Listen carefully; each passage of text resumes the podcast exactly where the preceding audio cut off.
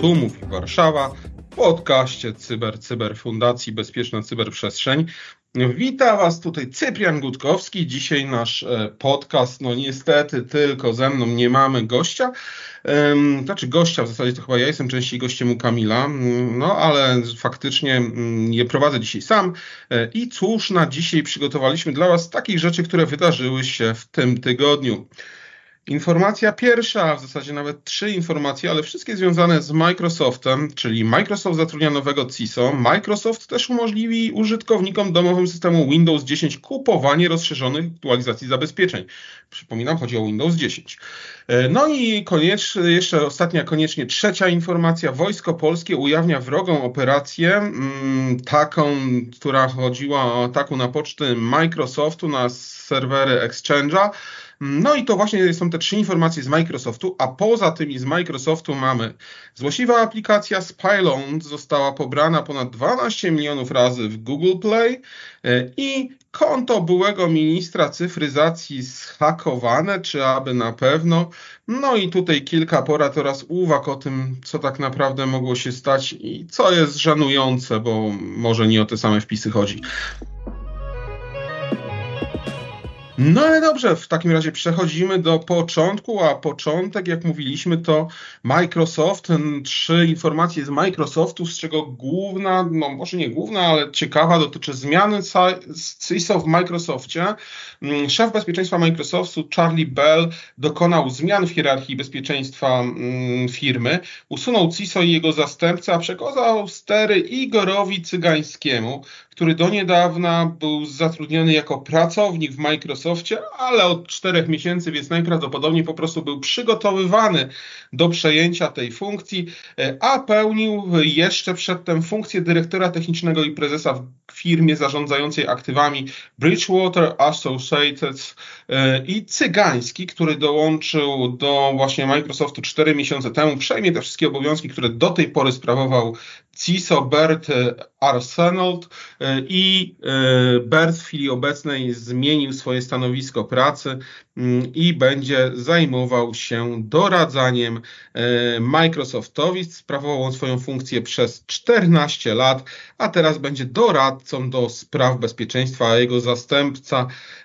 Anshal Gupta przestał pełnić funkcję zastępcy i został usunięty, opuścił e, Microsoft. E, zmiany są o tyle istotne, że teraz Microsoft ma sporo problemów, a w zasadzie sporo wyzwań może przed sobą. E, musi powstrzymać skutki żenujących e, włamań tak naprawdę i innych e, sytuacji związanych z bezpieczeństwem, które miały miejsce w ich firmie. Bardzo dużo zero day i problemy z łataniem flagowych systemów operacyjnych, jak również platform przetwarzania w chmurze, więc całkiem dużo problemów nawarstwiło się w Microsoftie. No i teraz muszą reagować, bo przypomnijmy, że na początku tego roku hakerzy, którzy byli wspierani przez chiński rząd, włamali się do platformy platformy chmurowej. E, Microsoft M365 ukradli wiadomości e-mail rządu USA. Wtedy też senator, jeden z senatorów oskarżył Microsoft o zaniedbanie w zakresie bezpieczeństwa, co było dość mocną wypowiedzią. E, włamanie było spowodowane właśnie niewłaściwym zarządzaniem kluczami do podpisywania i w chwili obecnej jest badane przez właściwe Mm, służby w Stanach Zjednoczonych.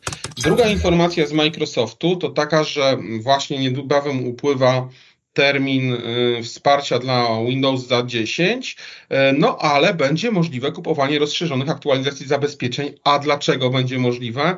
E, wiadomo, że klientów Windowsa 10 jest nadal dużo, no i teraz Microsoft teoretycznie, no przecież nie dla biznesu, wychodzi naprzeciw tym klientom i takie osoby będą mogły zapłacić za dodatkowe 3 lata aktualizacji zabezpieczeń w ramach firmowego programu rozszerzonych aktualizacji zabezpieczeń już po dacie zakończenia wsparcia dla danych systemów.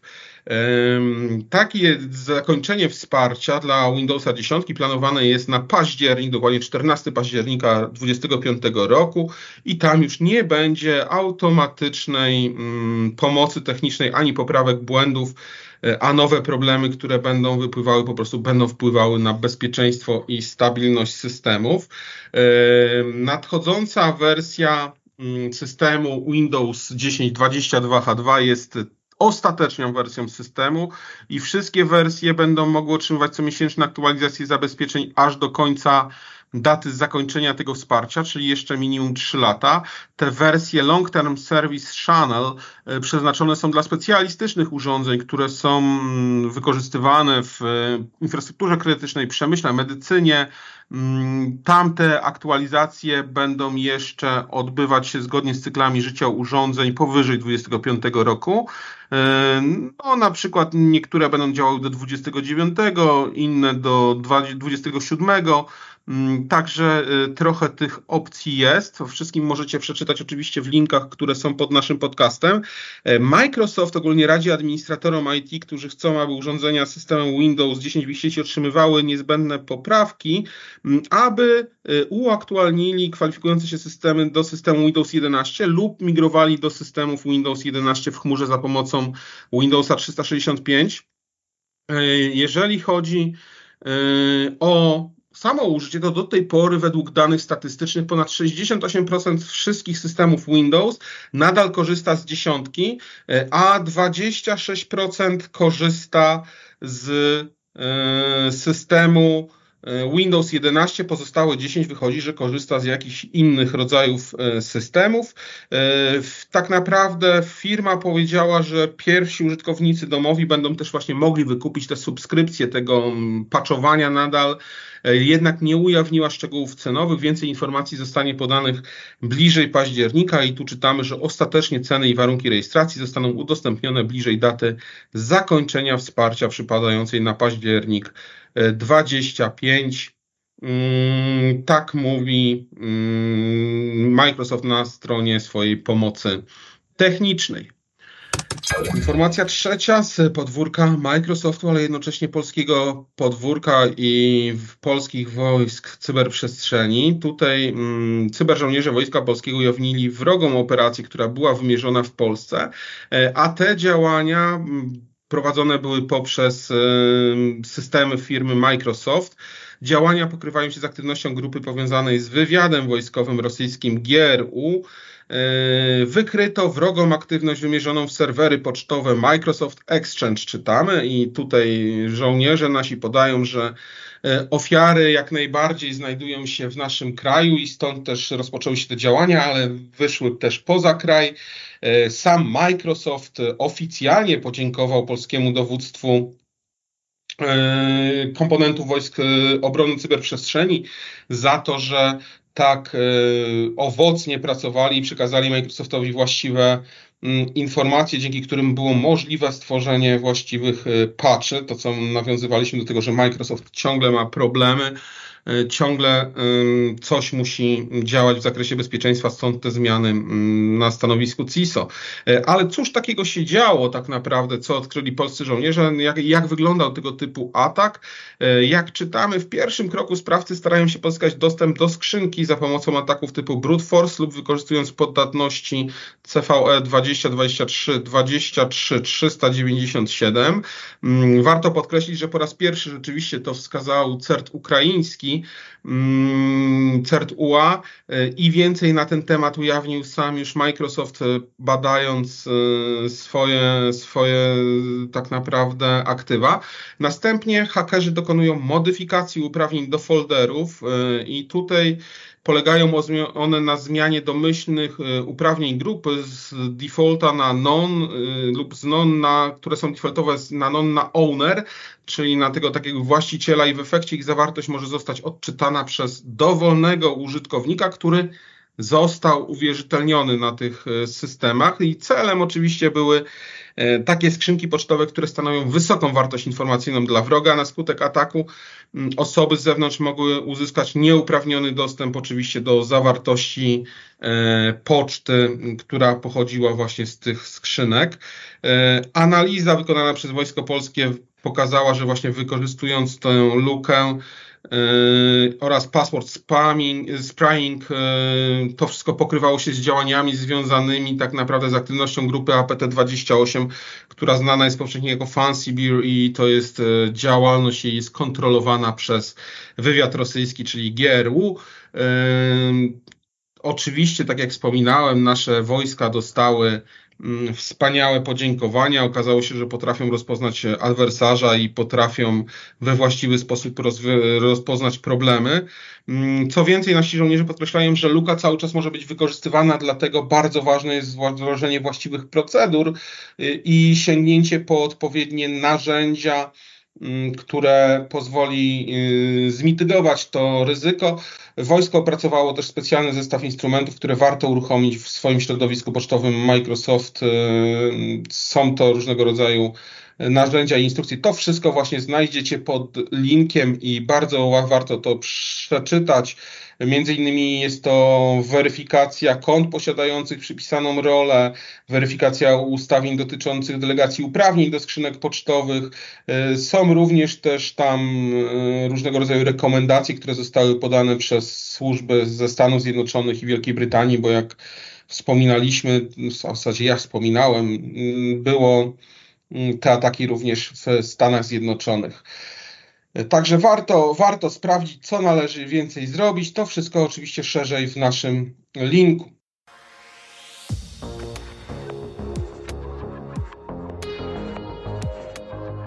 Partnerem strategicznym podcastu CyberCyber jest Koncert SA, lider na polskim rynku cyberbezpieczeństwa. Sprawdź nas na www.koncert.pl Teraz jedna ze złośliwych aplikacji, która pobrana została aż 12 milionów razy w sklepach Google Play, a mowa o aplikacji Spylon. E, jest to fałszywa aplikacja finansowa, która nakłaniała użytkowników do zarejestrowania się w celu otrzymania wysoko oprocentowanych płatności, a następnie kradła ich dane i szantażowała danych użytkowników.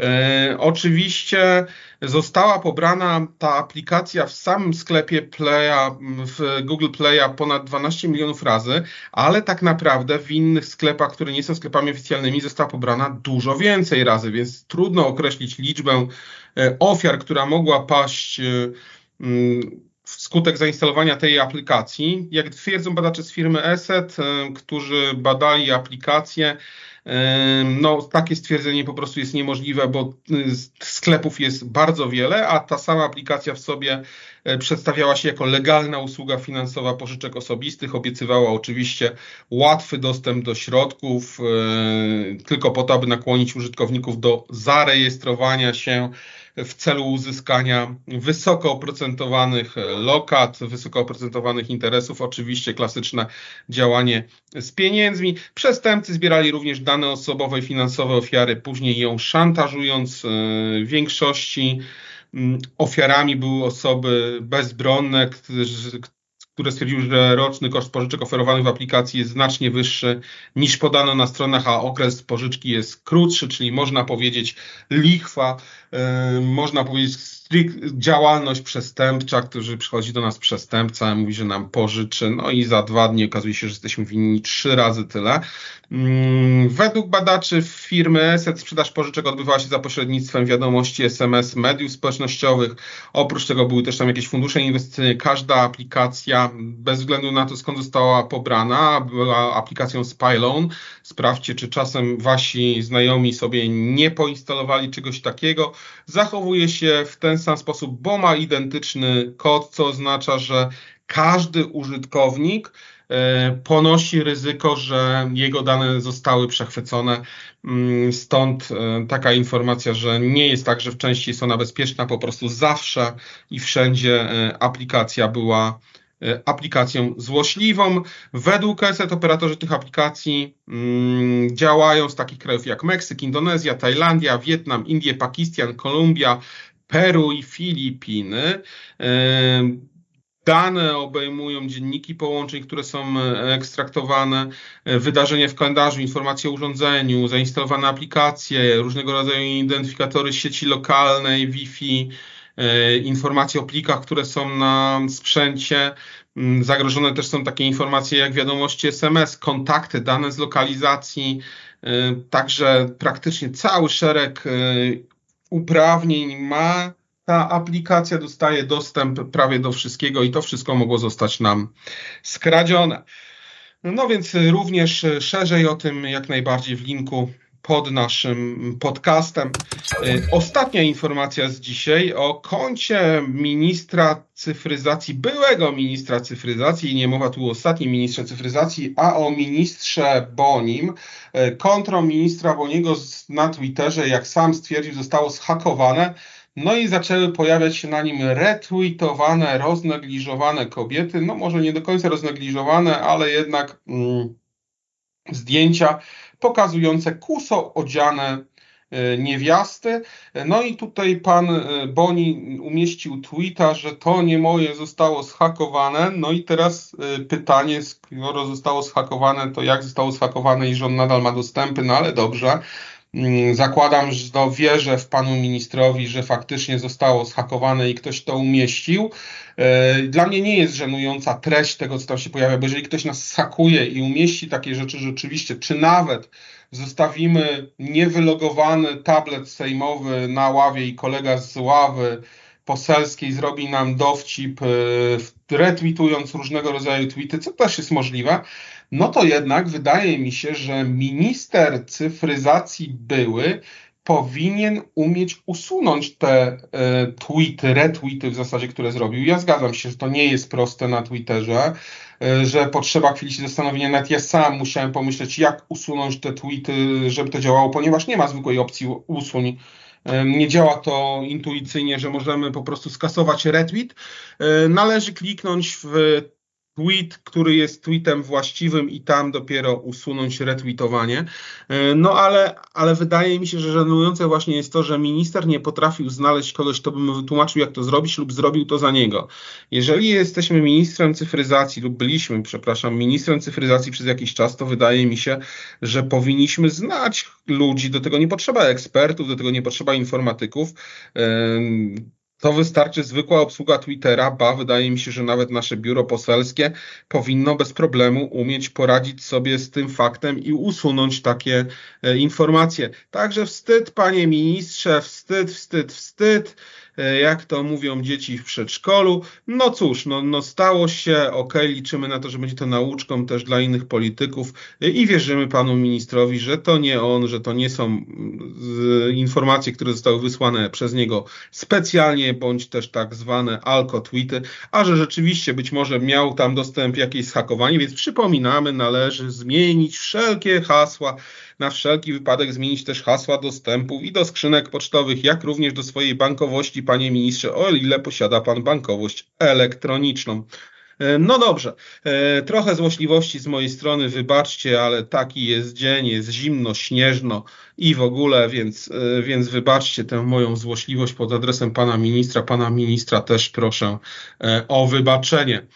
Dziękuję bardzo serdecznie. To było na tyle w Cyber Cyber Raport. Był to już nasz kolejny y, odcinek Cyber Cyber Raport, a dokładniej nawet jeżeli chodzi o Cyber Cyber Raport, to był to odcinek 365 y, naszego podcastu Cyber Cyber. Mm, do usłyszenia następnym razem. Zapewne już nagrywany podcast będzie z jakimś współprowadzącym, czy to z Kamilem, czy to z Piotrem, czy też to Kamil z Piotrem sami nagrają e, ten podcast, a beze mnie. Ja w każdym razie Wam bardzo dziękuję e, i życzę Wam e, miłego tygodnia, no i bądźcie bezpieczni, a jak to mówi Kamil, bądźcie cyberbezpieczni.